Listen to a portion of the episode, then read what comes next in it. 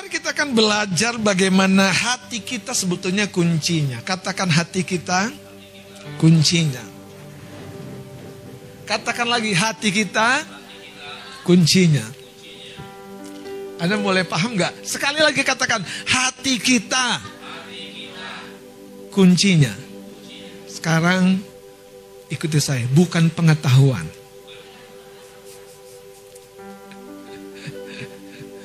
Katakan lagi, bukan kekayaan.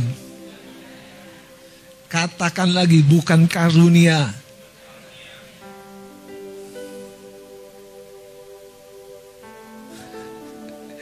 Jadi Anda jangan terlalu terlalu melebih-lebihkan pengetahuan, terlalu melebih-lebihkan karunia. Karena sekali lagi kunci kehidupan itu hati, Saudara. Nah, kesehatan hati kita itu yang tiap-tiap minggu, tiap-tiap pagi kita harus cek and recheck. Kalau bangun pagi sudah galau, nah Anda bahaya, masuklah ICU. Masuknya juga jangan tanggung-tanggung. Tolong Om Pendeta dibedah hatiku. Karena beneran saudara. Anda boleh punya segala pengetahuan, segala karunia, tapi kalau hatimu error, hatimu ada kemarahan, hatimu ada duka cita terlalu dalam, hatimu gini loh teman-teman. Kalau Anda pernah ditipu, yang menarik adalah jangan biarkan setan memakai peristiwa Anda ditipu itu membuat Anda tuh down begitu lama. Kenapa? Karena Tuhan mampu membalikan keadaannya membuat apa yang hilang kembali dua kali lipat, tiga kali lipat. Lihat cerita Ayub, saudara. Ayub tidak binasa dalam semua boroknya, bahkan hinaan istrinya tidak. Ayub tidak binasa dengan semua pukulan setan. Ayub bahkan kata cocok, kata binasa itu nggak cocok.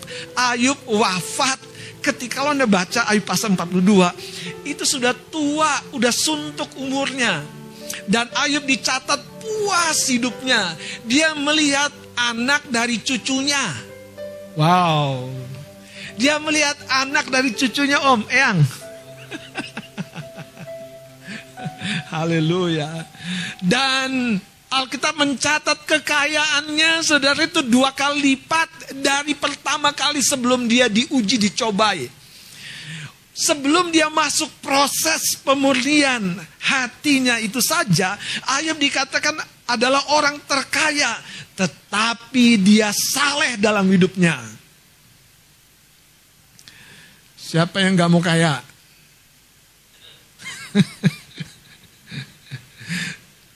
Kadang gini loh saudara, dengerin saya. Ini Tuhan tuh pengen Anda diberkati, kaya itu cuma akibat. Akibat. Jadi kalau Anda setiap bisnis diberkati, setiap jualan diberkati, jualan sepatu, jualan jam, jualan pernak-pernik, jualan karet gelang, diberkati. Apa-apa diberkati, Bagaimana mungkin Anda tidak jadi kaya? Kerja di kantor diberkati. Berteman diberkati.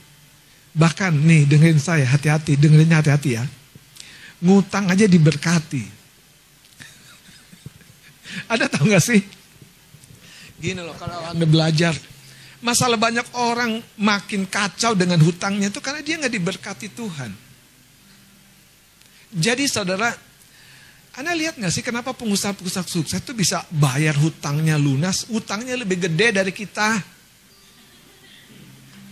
Karena mereka kerja keras, diberkati. Masalah banyak orang tidak bisa mengalami berkat Tuhan karena ada sesuatu di hatinya, yaitu kemalasan. Anda tahu kitab Amsa, eh, pengkhotbah atau kitab Amsa bilang gini, pemalas itu taruh tangannya di piring. Tapi enggak juga dia tarik ke mulutnya. Uji aja hari Sabtu Anda ngapain? Gak usah sore pulang kerja deh. Hari Sabtu waktu longgar.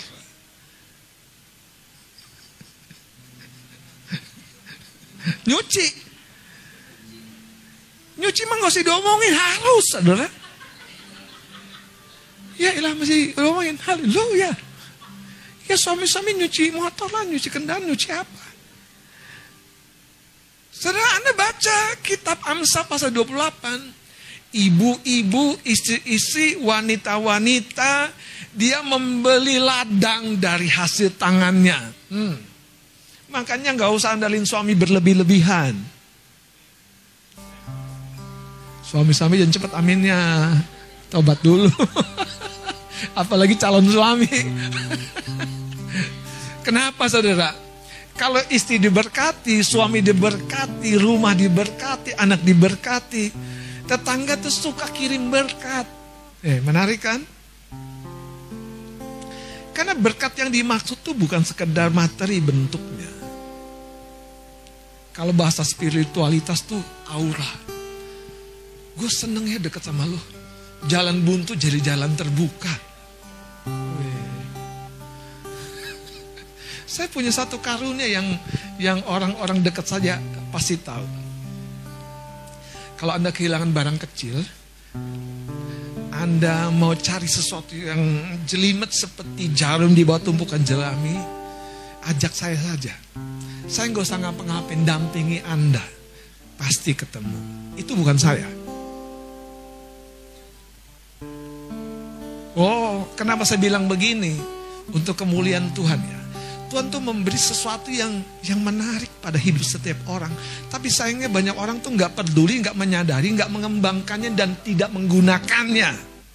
Dan Tuhan tidak dipermuliakan. Satu kali handphone anak saya hilang lenyap entah di mana. Entah bagaimana, ya ketemu di tangan saya.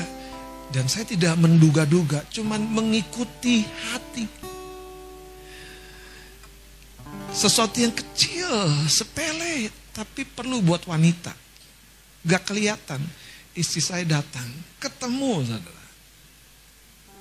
Tapi kalau pakai kacamata di sini nggak tahu, nah itu lain cerita saudara. Itu nggak perlu datang sama saya, datang ke kaca. Karena ada orang pakai kacamata di sini. Kacamataku mana? Aduh, mbok ya tunggu. Jangan mendahului eyang-eyang. saudara hatimu itu saudara. Karena beneran kunci kehidupan itu hati. Hati saudara. Hati. Hati.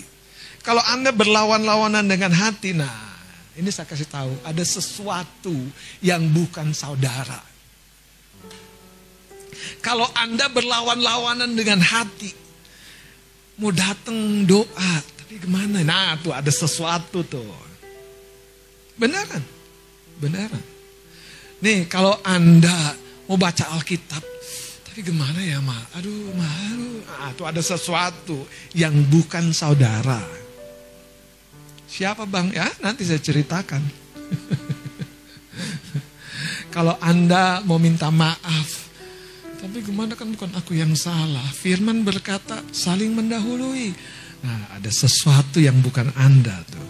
Siapa tuh? Nah, ya saya nggak mau berlebih-lebihan. Itu makhluk lain yang namanya roh jahat.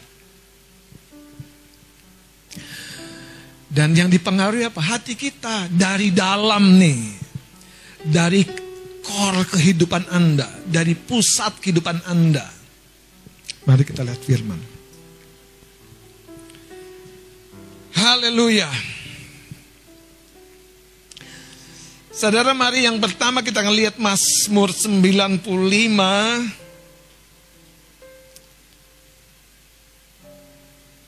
dari ayat yang sorry ya Mazmur 95 dulu. Ayat yang ke-8 dari kalimat di atasnya. Saya akan baca. Pada hari ini, sekiranya kamu mendengar suaranya. Kalau Anda baca ayat demi ayat, Anda harus lebih dalam. Perhatikan kata demi kata. Saya akan terangkan kenapa pentingnya. Pada hari ini saja, kata pada hari ini, Tuhan tuh membawa day by day hidup kita. Jadi kalau Anda nunggu tuntunan hari Minggu, kelamaan. Anda sudah istilahnya terpapar. sudah kehabisan nafas. Anda mau bisa selalu Tuhan mau tuntun kita hari lepas hari. Saya lanjutkan. Pada hari ini, sekiranya kamu mendengar suaranya, mungkin kita bertanya, Bang, aku kan bukan pendeta, aku bukan pendoa, gimana dengar suaranya? Nah ini pelajaran dasar kekristenan. Tuhan bicara di hati kita bukan, dengerin baik-baik, jangan miss, jangan lewat. Tuhan bicara di hati kita sering kali itu bukan dengan kata-kata, tapi dengan sebuah dorongan. Apa itu dorongan? Ya dorongan ya dorongan. Sebaliknya, dorongan itu nanti itu akan berwujud di dalam kehidupan kita. Makanya saudara, kalau Anda belajar bagaimana bahkan roh itu berbicara di hati kita, itu menimbulkan dorongan. Kebencian, kemarahan, kegalauan, keputusasaan. Di situ saudara, nah monitornya tuh di jiwa kita. Makanya kalau Anda perhatikan bagaimana kondisi hati Anda, lihat monitor jiwa Anda. Anda penuh joy nggak? Anda penuh hope nggak? Anda penuh optimisme nggak? Atau Anda ya yang terjadi terjadilah. No. Anda driver kehidupan Anda bersama dengan Tuhan. Katakan amin. Daud makanya berkata, inilah hari yang Tuhan jadikan bagiku. Aku akan bersuka cita, bikin keputusan, Sekalipun tantangan belum selesai, masalah belum bubar. Tapi Anda menentukan sikap hati Anda. Dimulai dari jiwa turun ke hati. Hati berekspresi di jiwa kita. Makanya orang yang murah hati nggak mungkin menahan yang dia mampu bagi. Coba dengerin. Orang yang murah hatinya nggak mungkin menahan yang dia mampu bagi. Benar nggak? Kalau nggak ada yang dibagi ya,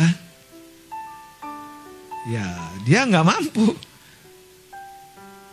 Makanya kalau anda baca Alkitab, kalau ada orang berkata, ada seorang datang ke rumahku dan dia mampu memberikan apa yang diminta oleh saudaranya, tapi dia berkata selamat jalan, Tuhan memberkatimu. Nah itu lain cerita.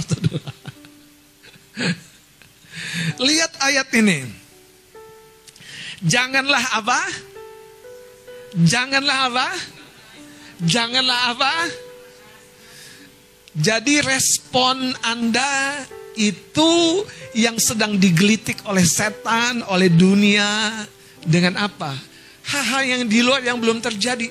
Makanya Marta jadi begitu khawatir dengan tamu yang banyak datang itu. Yesus berkata justru nak kekasihku tenang, cooling down, tenang. Yang Musuh pakai itu tadi, kekhawatiran, ketakutan di hati kita. Itu yang di blow up di pikiran kita sehingga kita seolah-olah takut dengan hidup ini yang sebetulnya kita sedang berjalan dengan Tuhan yang selalu menyediakan lebih dari cukup. Masanya kalau hati kita tidak connect, tidak terarah kepada Tuhan, kita mengukur berdasarkan seperti pesan Tuhan pada kemarin dua malam, apa yang kelihatan saja.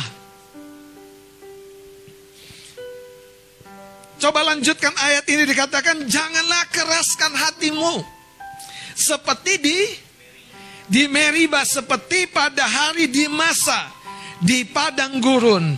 Pada waktu nenek moyangmu mencobai aku menguji aku padahal mereka melihat. Jadi saudara pertolongan Tuhan itu harus dihayati Jangan sekedar sekedar dinikmati. Wow, luar biasa. Tapi dihayati betapa Tuhan begitu baik kepada orang yang tidak baik sekalipun. Betapa Tuhan sabar kepada orang yang tidak segera pun berubah, sabar. Maka dibilang panjang sabar. Tuhan tuh setia bahkan sama orang-orang yang tidak setia. Ayat ini berkata, menguji aku, padahal mereka melihat perbuatanku. Jadi saudara, melihat, melihat, indera penglihatan kita itu saudara dengan saya. Itu sering kali, sering kali belum menyentuh hati kita. Kenapa? Begini ceritanya. Seringkali penglihatan kita tuh terhubungnya di otak, di pikiran. Banyak orang bilang gini, Tuhan pasti sediakan, tapi hati dia penuh dengan kekhawatiran, ketakutan. Makanya yang keluar dari mulut itu dari mana? Dari memori, dari pikiran. Tapi kalau dia berkata dengan segenap hatinya, pikiran dan perasaannya, dia berkata, Tuhan pasti sediakan itu yang terjadi ketika Abraham membawa Ishak anak tunggal satu-satunya yang Tuhan minta sebagai persembahan. Dia bicara sama anaknya, Ishak yang mau dikorbankan itu. Tuhan sediakan korban baginya.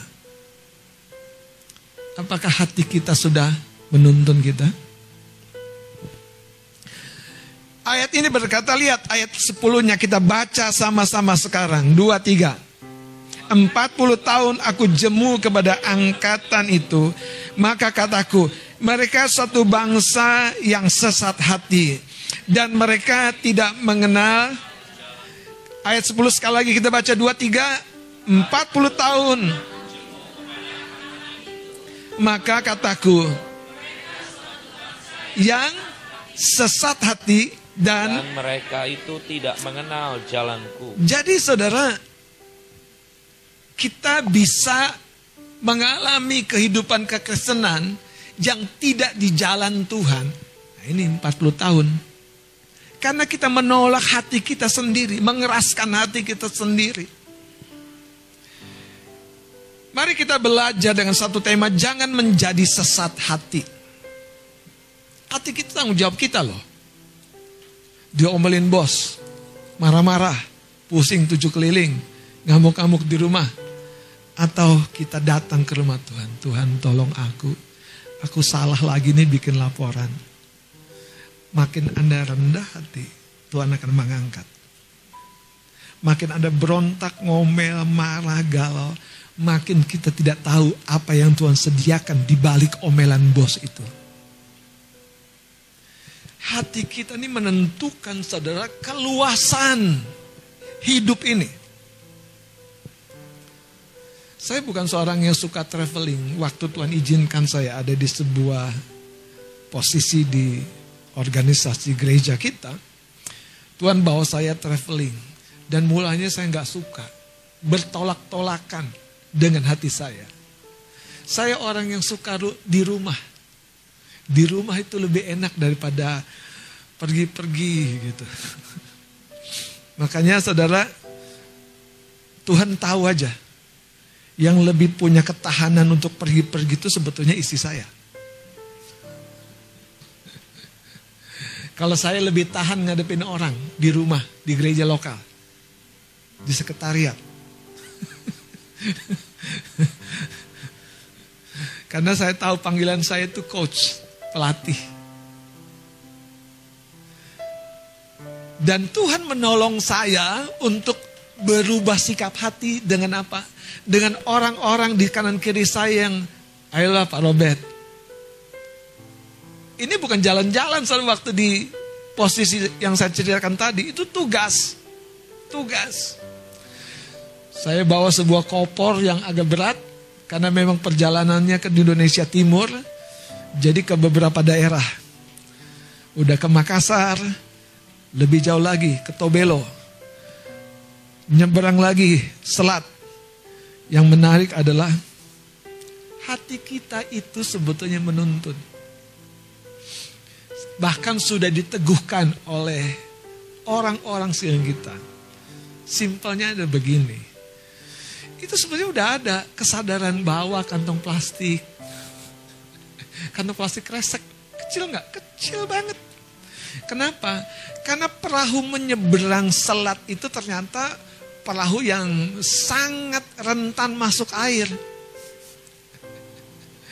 Jadi guide kami jemaat sana udah bilang, Pak jangan lupa bawa kantong plastik. Cuman otak orang kota itu, kan aku bawa koper nih, mantap.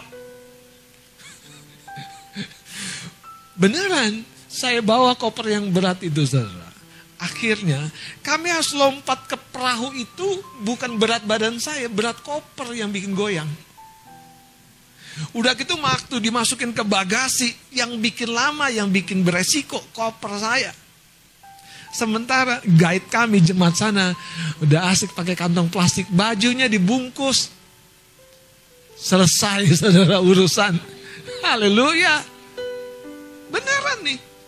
Karena waktu masuk ke kapal itu, memang kami orang kota ini nggak punya pengalaman. Makanya jangan hanya hidup dengan pengalaman. Hiduplah dengan tuntunan di hati, saudara. Dan yang saya mau ceritakan adalah begini. Ini ngomong tentang pelayanan, ngomong tentang bisnis, ngomong tentang hubungan. Belajar ikuti hati. Makanya jangan biarkan hatimu sesat. Hati kita tuh apa namanya? Guideline. Garis arahan untuk langkah kita hati kita itu guideline. Sehingga kita tahu, kita ketemu dengan orang, gimana ya nih, cocok nggak ya, oke nggak ya jadi mitra bisnis kita. Hati kita harus dengar. Kadang-kadang Tuhan nggak bilang langsung jangan, tapi Tuhan bilang tunggu, sabar, tunda. Tapi bagaimana kalau otak kita, pikiran kita, kemauan kita terlalu kuat? Ya itu tadi, kita berlawan-lawanan dengan hati kita. Coba kita lihat saudara Mazmur ini. Ayat yang ke-8. Pada hari ini sekiranya kamu mendengar suaranya, janganlah keraskan hatimu. Ternyata saudara, target dunia dan setan dengan semua masalah, dengan semua kekecewaan, dengan semua konflik adalah membuat hati kita keras. Tapi justru sebaliknya, target Tuhan dengan semua proses yang dia izinkan, Tuhan ingin membentuk hati kita jadi lembut. Kenapa? Hati kita kuncinya untuk semua hal dalam hidup kita. Hati kita kuncinya, saudara. Kalau engkau bisa digerakkan dengan saya baik-baik. Kalau engkau bisa digerakkan oleh hatimu, wow itu tanda-tanda Anda jadi orang sukses. Beneran. Karena dari hati itu Anda akan didorong merespon lebih daripada sekedar apa yang kau lihat di pikiran, di perasaan. Satu kali seorang bercerita, ini seorang pekerja. Dia belanja sayur dan dia ketemu tukang sayur. Orang ini dia jadi seorang marketing kedelai. Tukang sayur jual tempe. Dan ketika dia beli sayur, beli tempe, muncul di hatinya. Eh kenapa nggak aku tanya aja, bang, beli tempe pabriknya di mana? Beneran dia tanya sama bang sayur itu, dia ikuti tukang sayur itu, dan ketemulah pabrik tempe yang butuh supply kedelai. Singkat cerita, karena dia kerjaannya jual kedelai, dapatlah satu klien besar. Pabrik tempe yang butuh kedelai, yang jalannya dari mana? Dari tukang, tukang sayur. Anda tahu gak sih? kesembuhan, pemulihan. Sering kalau jalannya kecil. Cuman otak kita tuh selalu bilang gini, ya Tuhan mana mungkin, nggak nyambung. Dan waktu pribadi ini ngikutin tukang sayur, itu menjadi sebuah fakta bahwa hidup ini sebetulnya simple. Kalau kita berani ngikutin dorongan yang di dalam untuk yang baik. Jadi kalau marah kita luapin ya, bukan ngikutin hati itu namanya, ngikutin emosi. hati kita yang sudah jadi baru itu selalu baik. Cuman setan sekali lagi berusaha memprovokasi hati kita dengan ketakutan, dengan kecurigaan. Hati yang tawar. Akibatnya apa? Hidup yang harusnya saudara penuh sukacita, penuh pengalaman baru.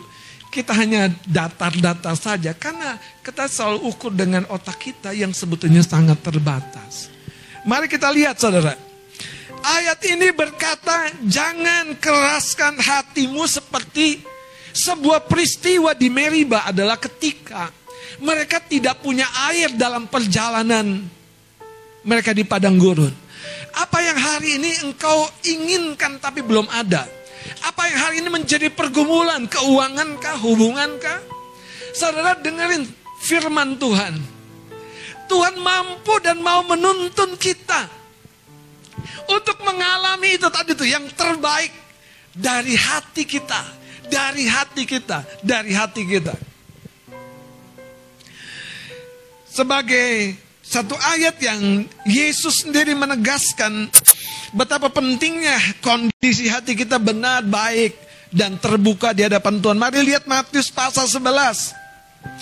Ayat 28 sampai ayat yang ke-30 tolong Mas Adit boleh baca. Matius 11 ayat 28 sampai 30. Ya. Marilah kepadaku semua yang letih lesu dan berbeban berat. Ya. Aku akan memberi kelegaan kepadamu. Mm. Pikulah kuk yang kupasang ya. dan belajarlah kepadaku. Karena aku lemah lembut dan rendah hati. Terus? Jiwamu akan mendapat ketenangan. Sebab, Sebab kuk yang kupasang itu enak dan bebanku pun ringan. Luar biasa ya Tuhan berkata. Untuk setiap kita yang punya beban untuk setiap kita yang letih lesu sebetulnya sudah tersedia. Katakan sama-sama sudah tersedia.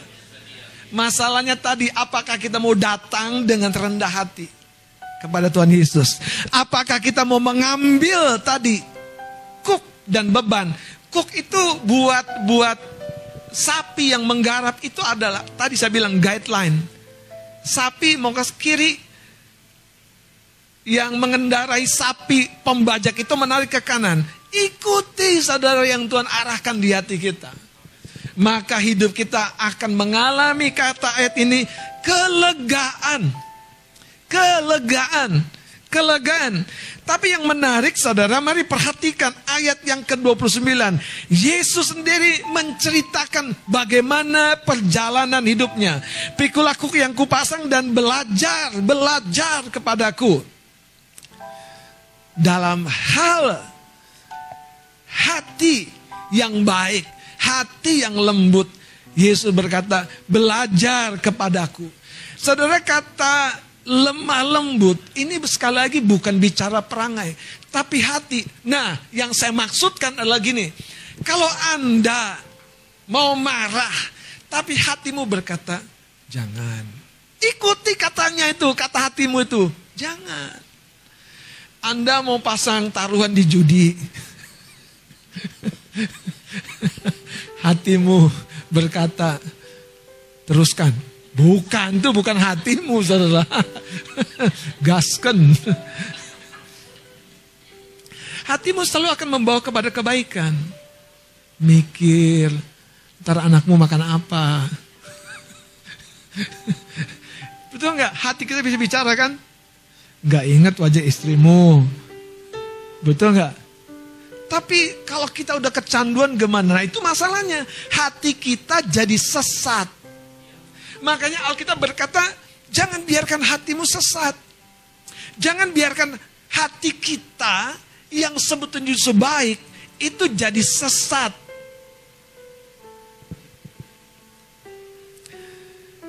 Sekarang buka kita Matius pasal yang kelima.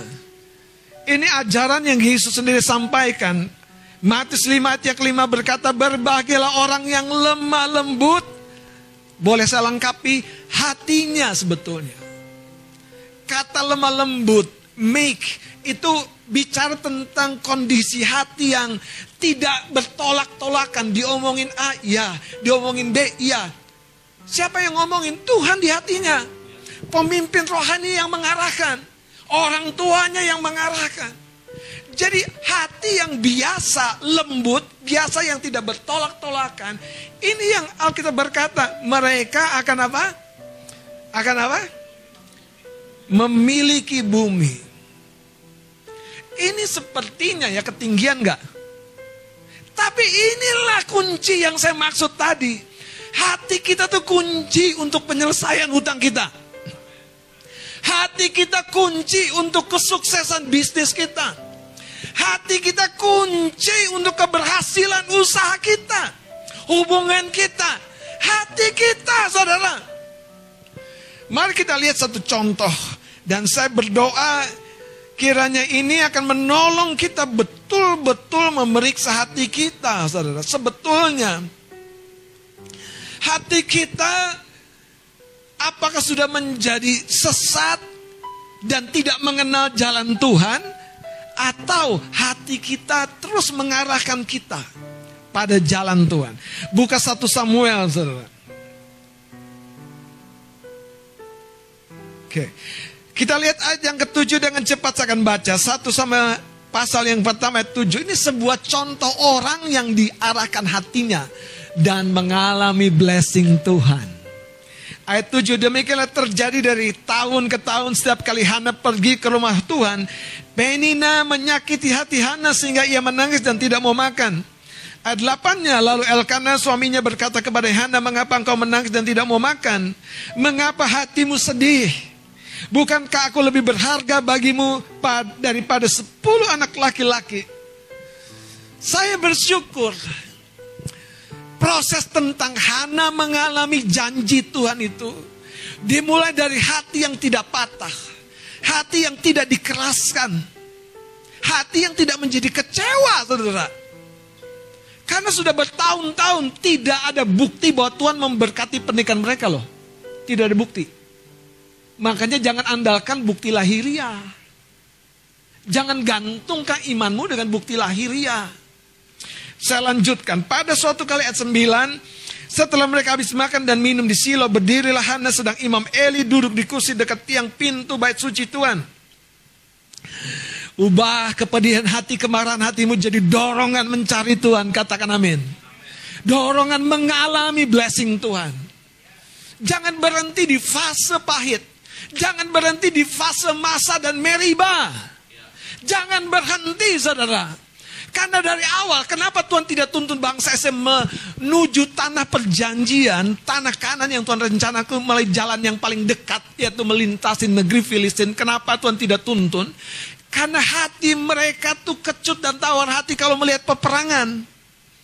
Makanya Tuhan izinkan sebuah proses di padang gurun untuk membersihkan hati. Hari ini apa proses padang gurunmu yang sedang membersihkan hatimu? Jujur, biasanya orang-orang yang dekat dalam hidupmu. Lihat, Hana, prosesnya lewat siapa? Istri muda suaminya. Apakah Hana dicatat ngamuk-ngamuk sama suaminya? Memang lu pilih kasih? Enggak, tenang. Tepuk bawah kanan kirinya, tenang. Apakah Hana dicatat dia marah-marah sama Penina? Tidak. Lantas kalau Anda tanya, kenapa Hana bisa begitu? Nah, tanya nanti kalau ketemu di surga. Saya percaya Hana belajar mengikuti kebenaran di hatinya. Lihat kalimat berikutnya, menarik nih, menarik nih, menarik nih. Dan dengan hati pedih ia berdoa kepada Tuhan sambil menangis terseduh-seduh. Kemudian apa? Kemudian apa?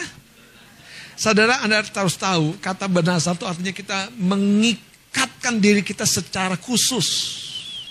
Kalau kita nazarkan sesuatu untuk Tuhan, jangan campurkan, pisahkan. Lanjut. Nazarnya kita baca sendiri. Kita tahu bagaimana wanita yang lagi, oh Tuhan, dia doa nggak pendek loh. Dia doa dengan apa? Air mata sampai terseduh-seduh. Jadi jangan takut kalau berdoa sama Tuhan sampai nangis habis air mata bang. Puji Tuhan. Lihat saudara, Ayat 12, ketika perempuan itu apa? Terus menerus berdoa. Setan tuh maunya Anda berdoa sekali. Enggak ada jawaban, ya udah deh pulang deh, ya udah deh lakukan yang sama deh. Ah, Tuhan gak perlu, Tuhan gak siapa bilang. Tuhan mencari hati yang sungguh-sungguh datang kepadanya. Wanita mandul ini wanita sedih ini, wanita kecewa ini, wanita yang tidak beruntung sekian tahun jadi istri seorang Elkana yang sebetulnya produktif karena lihat istri mudanya hamil sekian anak, dia langsung memblame dirinya dong, memang aku yang tidak beruntung. Tapi lihat bagaimana Tuhan mampu membalikan kehidupan seorang yang tidak beruntung itu. Ketika dia mengikuti hatinya untuk mencari Tuhan. Nanti saya kasih satu ayat sebagai penutup dari Mazmur 84. Nanti siapkan saudara. Lihat. Dia mencari Tuhan. Mencari Tuhan. Dan Alkitab mencatat. Lihat saudara. Lihat. Ketika dia bernazar. Dia terus berdoa. Ayat 12-nya ketika perempuan itu terus menerus berdoa di hadapan Tuhan. Maka Eli mengamat-amati mulut perempuan itu. Karena Hana berkata-kata dalam hatinya. Ya, ya jelas Nangis udah terseduh-seduh yang doa pasti hati. Gak bisa campur, campur saudara. Dia doa sambil nangis terseduh-seduh dan hatinya berdoa. Hmm, mantap saudara. Lihat, apakah sang hamba Tuhan namanya Imam Eli ngerti pergumulan jemaatnya? Enggak juga. Bahkan Imam Eli berkata pada ayat 14, berapa lama lagi engkau berlaku sebagai orang mabuk, lepaskanlah dirimu daripada mabukmu. Tetapi Hana menjawab, bukan Tuanku, aku seorang perempuan yang sangat bersusah hati. Tapi yang menarik, ini yang Sabimu bilang, ikuti hati yang baik itu. Ayat 17. Saya nggak tahu bagaimana Tuhan itu menggerakkan seorang hamba Tuhan di Alkitab ini namanya Imam Eli yang dalam tanda kutip gagal di rumah tangganya. Tapi justru Tuhan pakai untuk memberkati pergumulan Hana. Lihat, Imam Eli berkata begini, pergilah dengan selamat dan Allah Israel akan apa? Kalau saya bicara sama G, G, pulanglah Tuhan akan memberikan apa yang kau minta. Pertanyaannya kan, aku belum minta apa-apa bang. Nah itu yang repot. Pulanglah guys, Tuhan sudah memberikan apa yang kau minta. Ini abang lo yang ngomong loh. Tuhan sudah memberikan. Seberapa terasnya Anda kepada Tuhan melampaui juru bicaranya. Jadi orang tuh masalahnya di situ, hatinya tidak tertuju kepada Tuhan. Hana beda. Imam Eli gagal di rumah tangganya. Anaknya itu bukan anak yang baik loh, kalau Anda baca. Tapi kenapa dia percaya? Karena hatinya tertuju bukan kepada manusia, tapi tertuju kepada Tuhan. Ada banyak orang Kristen bilang gini, Tuhan bisa pakai burung di udara. Tapi aneh, dia nggak percaya Tuhan pakai mulut hamba Tuhan. Betul saudara, betul, betul, betul. Coba cek hatimu. Berapa banyaknya Anda percaya kepada mulut hamba Tuhan? Enggak, Anda bisa lawan perkataan yang disampaikan itu sebetulnya karena hatimu seperti umat Israel keras. Ini yang aku pahami, betul kan? Betul kan? Betul nggak? Iya. Ini yang aku pahami. Pemahaman Anda itu membuat hatimu tidak bisa menuntun hidupmu. Pada hidup, hidup itu sebegitu sederhana, saudara. Dalam masa kekeringan, Elia tinggal di tepi sungai Kerit. Sudah sedikit airnya. Habislah sungai itu kering sama sekali. Dengerin tuntunan Tuhan. Pergilah ke Sidon. Ada seorang yang tidak pernah dia duga, yaitu janda miskin ibu tua akan memberkati dan memelihara hidupmu. Aneh anehnya dengerin. Waktu ibu janda itu memelihara hidup Elia, satu keadaan Tuhan bicara tepung dalam persediaanmu tidak akan habis. Minyak dalam persediaanmu tidak akan habis. Jadi Tuhan tuh selalu buat hidup kita related. Kita ditolong, kita menolong. Nih saudara, ajari hatimu. Kita ditolong, kita menolong. Tidak pernah saudara orang menabur tidak menuai. Jadi kalau Anda belajar dengar, ikuti yang baik seperti Hana. Lihat ceritanya. Ini indah luar biasa saudara. Ayat 19. Oh haleluya. Keesokan harinya bangunlah mereka pagi-pagi. Jadi kalau ke Allah. Zaman itu ada perjalanan panjang. Dan mereka nginep di guest house. di tenda maksudnya. Dan bangun pagi-pagi, sujud menyembah di hadapan Tuhan, kemudian pulanglah mereka ke rumahnya di Rama. Ketika Elkana bersetubuh dengan Hana, Tuhan tidak lupa orang-orang yang meresponnya dengan hati. Hana complicated gak dengan pemimpinnya? Enggak saudara. Kalau kita mungkin akan tanya, gimana om, gimana bang, gimana? Masa sesederhana itu masalahku? Lah iya. Kita dealnya bukan sama dokter, melampaui dokter. Kita dealnya, berurusannya bukan kepada ahli ekonomi, tapi Tuhan semesta alam. Yang menjadikan dari yang tidak ada menjadi ada. Rahim yang tersumbat terbuka. Sumber-sumber keuanganmu yang tersumbat terbuka. Tapi berapa percayanya engkau kepada hatimu yang baik itu. Lihat, luar biasa saudara. Tuhan mengingat ketika mereka bersetubuh di rumah tangganya. Dan ayat 20 maka setahun kemudian menganulah Hana melahirkan seorang anak laki-laki. Sederhana ya, sederhana banget. Dan itu dimulai bagaimana hati Hana diarahkan kepada Tuhan. Jadi catat, kesesatan hati itu terjadi ketika hati kita mulai kita arahkan kepada manusia. Kepada kekuatan manusia. Yeremia pasal 17 berkata hati kita bisa sesat. Karena kita mengandalkan kekuatan kita, kekuatan manusia. Tapi waktu hati kita dalam kelimpahan kekuatan, kekayaan, kebiasaan kita pun kita arahkan kepada Tuhan. Di situlah hati kita menjadi tadi guideline-nya Tuhan. Mengarahkan pikiran, perasaan, potensi, peluang kita jadi. Mari kita lihat saudara sebagai beberapa ayat yang penutup. Kita buka Mazmur 84. Haleluya, ayat yang ke-10. Mari kita bangkit berdiri, segarkan tubuhmu, responi dengan baik saudara. Haleluya. Kalau saya dulu, kalau pendeta saya khotbah agak panjang, saya suka cabut bulu kaki saya.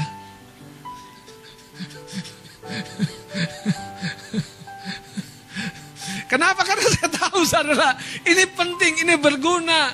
Masalahnya bukan di hamba Tuhan yang kelihatannya kepanjangan. Tapi kita tidak prepare saudara. Kalau hatimu berdetak, melompat, Bayangkan Hana bisa merespon perkataan Imam Eli yang sudah rabun. Ada paham gak sih? Begitu dekatnya dia bisa ngomong. Tapi dia menyangka jemaatnya ini lagi mabok. Anda ngerti gak sih kalau sumber yang kita andalkan itu sudah rabun. Tapi aneh, Tuhan tidak pernah salah. Dia bahkan memakai Imam Eli itu. Sekali lagi, Anda baca deh cerita Samuel itu berkat dari mulut sang hamba Tuhan itu menyelesaikan pergumulan yang sekian panjang. Mazmur 84. Mazmur 84.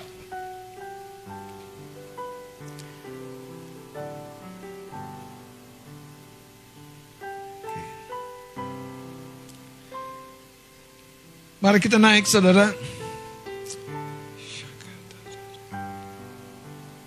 Ayat yang keempat. Kalau di buku Alkitab Anda ayat yang kelima. Berbahagialah orang-orang yang diam di rumahmu yang terus-menerus memuji engkau. Anda harus tahu konteksnya. Waktu kita diam di rumah Tuhan dan terus-menerus memuji Tuhan, itu proses kita mengarahkan hati kita. Tapi kalau Anda di rumah Tuhan diam ngelamun, nah lain cerita. Makanya tugas pemimpin pujian, para pelayan Tuhan itu tidak mudah. Haleluya. Amin. Apalagi kalau petugas kolektor duluan, belum pujian-pujian kolektor. Nah jemaat itu jadi nggak punya hati, saudara. Karena ngasih bukan dengan hati, belum siap ya. Hatinya belum terarah kepada Tuhan. Haleluya. Beneran loh. Makanya ibadah itu tidak sesimpel yang kita pikirkan. Dan kalau kita menabur tidak dengan sukacita, jelas taburan kita tuh bukan taburan yang hidup. Lihat ayat ini, berbagilah orang-orang yang diam di rumahmu, yang terus-menerus memuji-muji engkau. Dan ini kuncinya ayat 5. Berbahagialah manusia yang kekuatannya di dalam engkau. Kalimat akhirnya nih, yang apa? Sama-sama baca. Kata ziarah ini bukan seperti terjemahan bahasa Indonesia pada umumnya ziarah ke kuburan. Kata ziarah ini konteksnya kalau bangsa Israel beribadah tahunan. Dan mereka harus prepare semua keluarga mereka datang ke Yerusalem beribadah ke rumah Allah. Nah, baru mengarahkan, baru berhasrat. Itu kuncinya baru berhasrat. Anda paham gak kata hasrat? Di situlah hati kita mulai jadi guideline, lebih tepatnya guideline. Anda akan lihat keajaiban-keajaiban. Hana mandu sekian lama, tapi dia tetapkan hatiku untuk terus ke rumah Tuhan. Ke rumah Tuhan, ke rumah Tuhan. Dan ujungnya, dia tidak pernah kecewa percaya kepada Allah. Amin. Amin. Makanya coba lihat ayat 5 lagi pahami Anda baca lagi di rumah baik-baik. Berbahagialah manusia yang kekuatannya yang kekuatannya jadi ini bukan masalah mampu bisa atau tidak mampu atau tidak bisa, ada peluang ada tidak ada peluang, bukan itu masalahnya. Tapi ayo arahkan hatimu ke Tuhan. Makanya ketika pesan Tuhan datang, itu sebenarnya momen breakthrough. Ada Coba baca, Imam Eli sampaikan pesan Tuhan apa? Religius kah? Spiritual. Allah yang tidak engkau lihat menyertai engkau. Enggak. Sebegitu simpelnya. Tien, nanti kamu pasti kerja. Ah, guys, pasti kamu ketemu pangeranmu.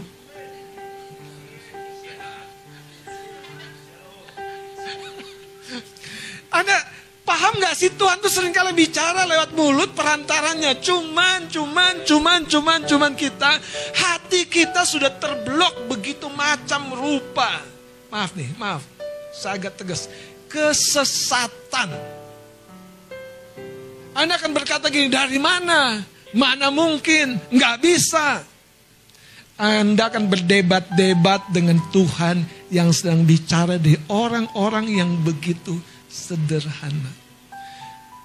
Saya bersyukur sih Imam Eli itu udah udah agak gimana, dia nggak lihat, pokoknya ngomong aja. Kenapa?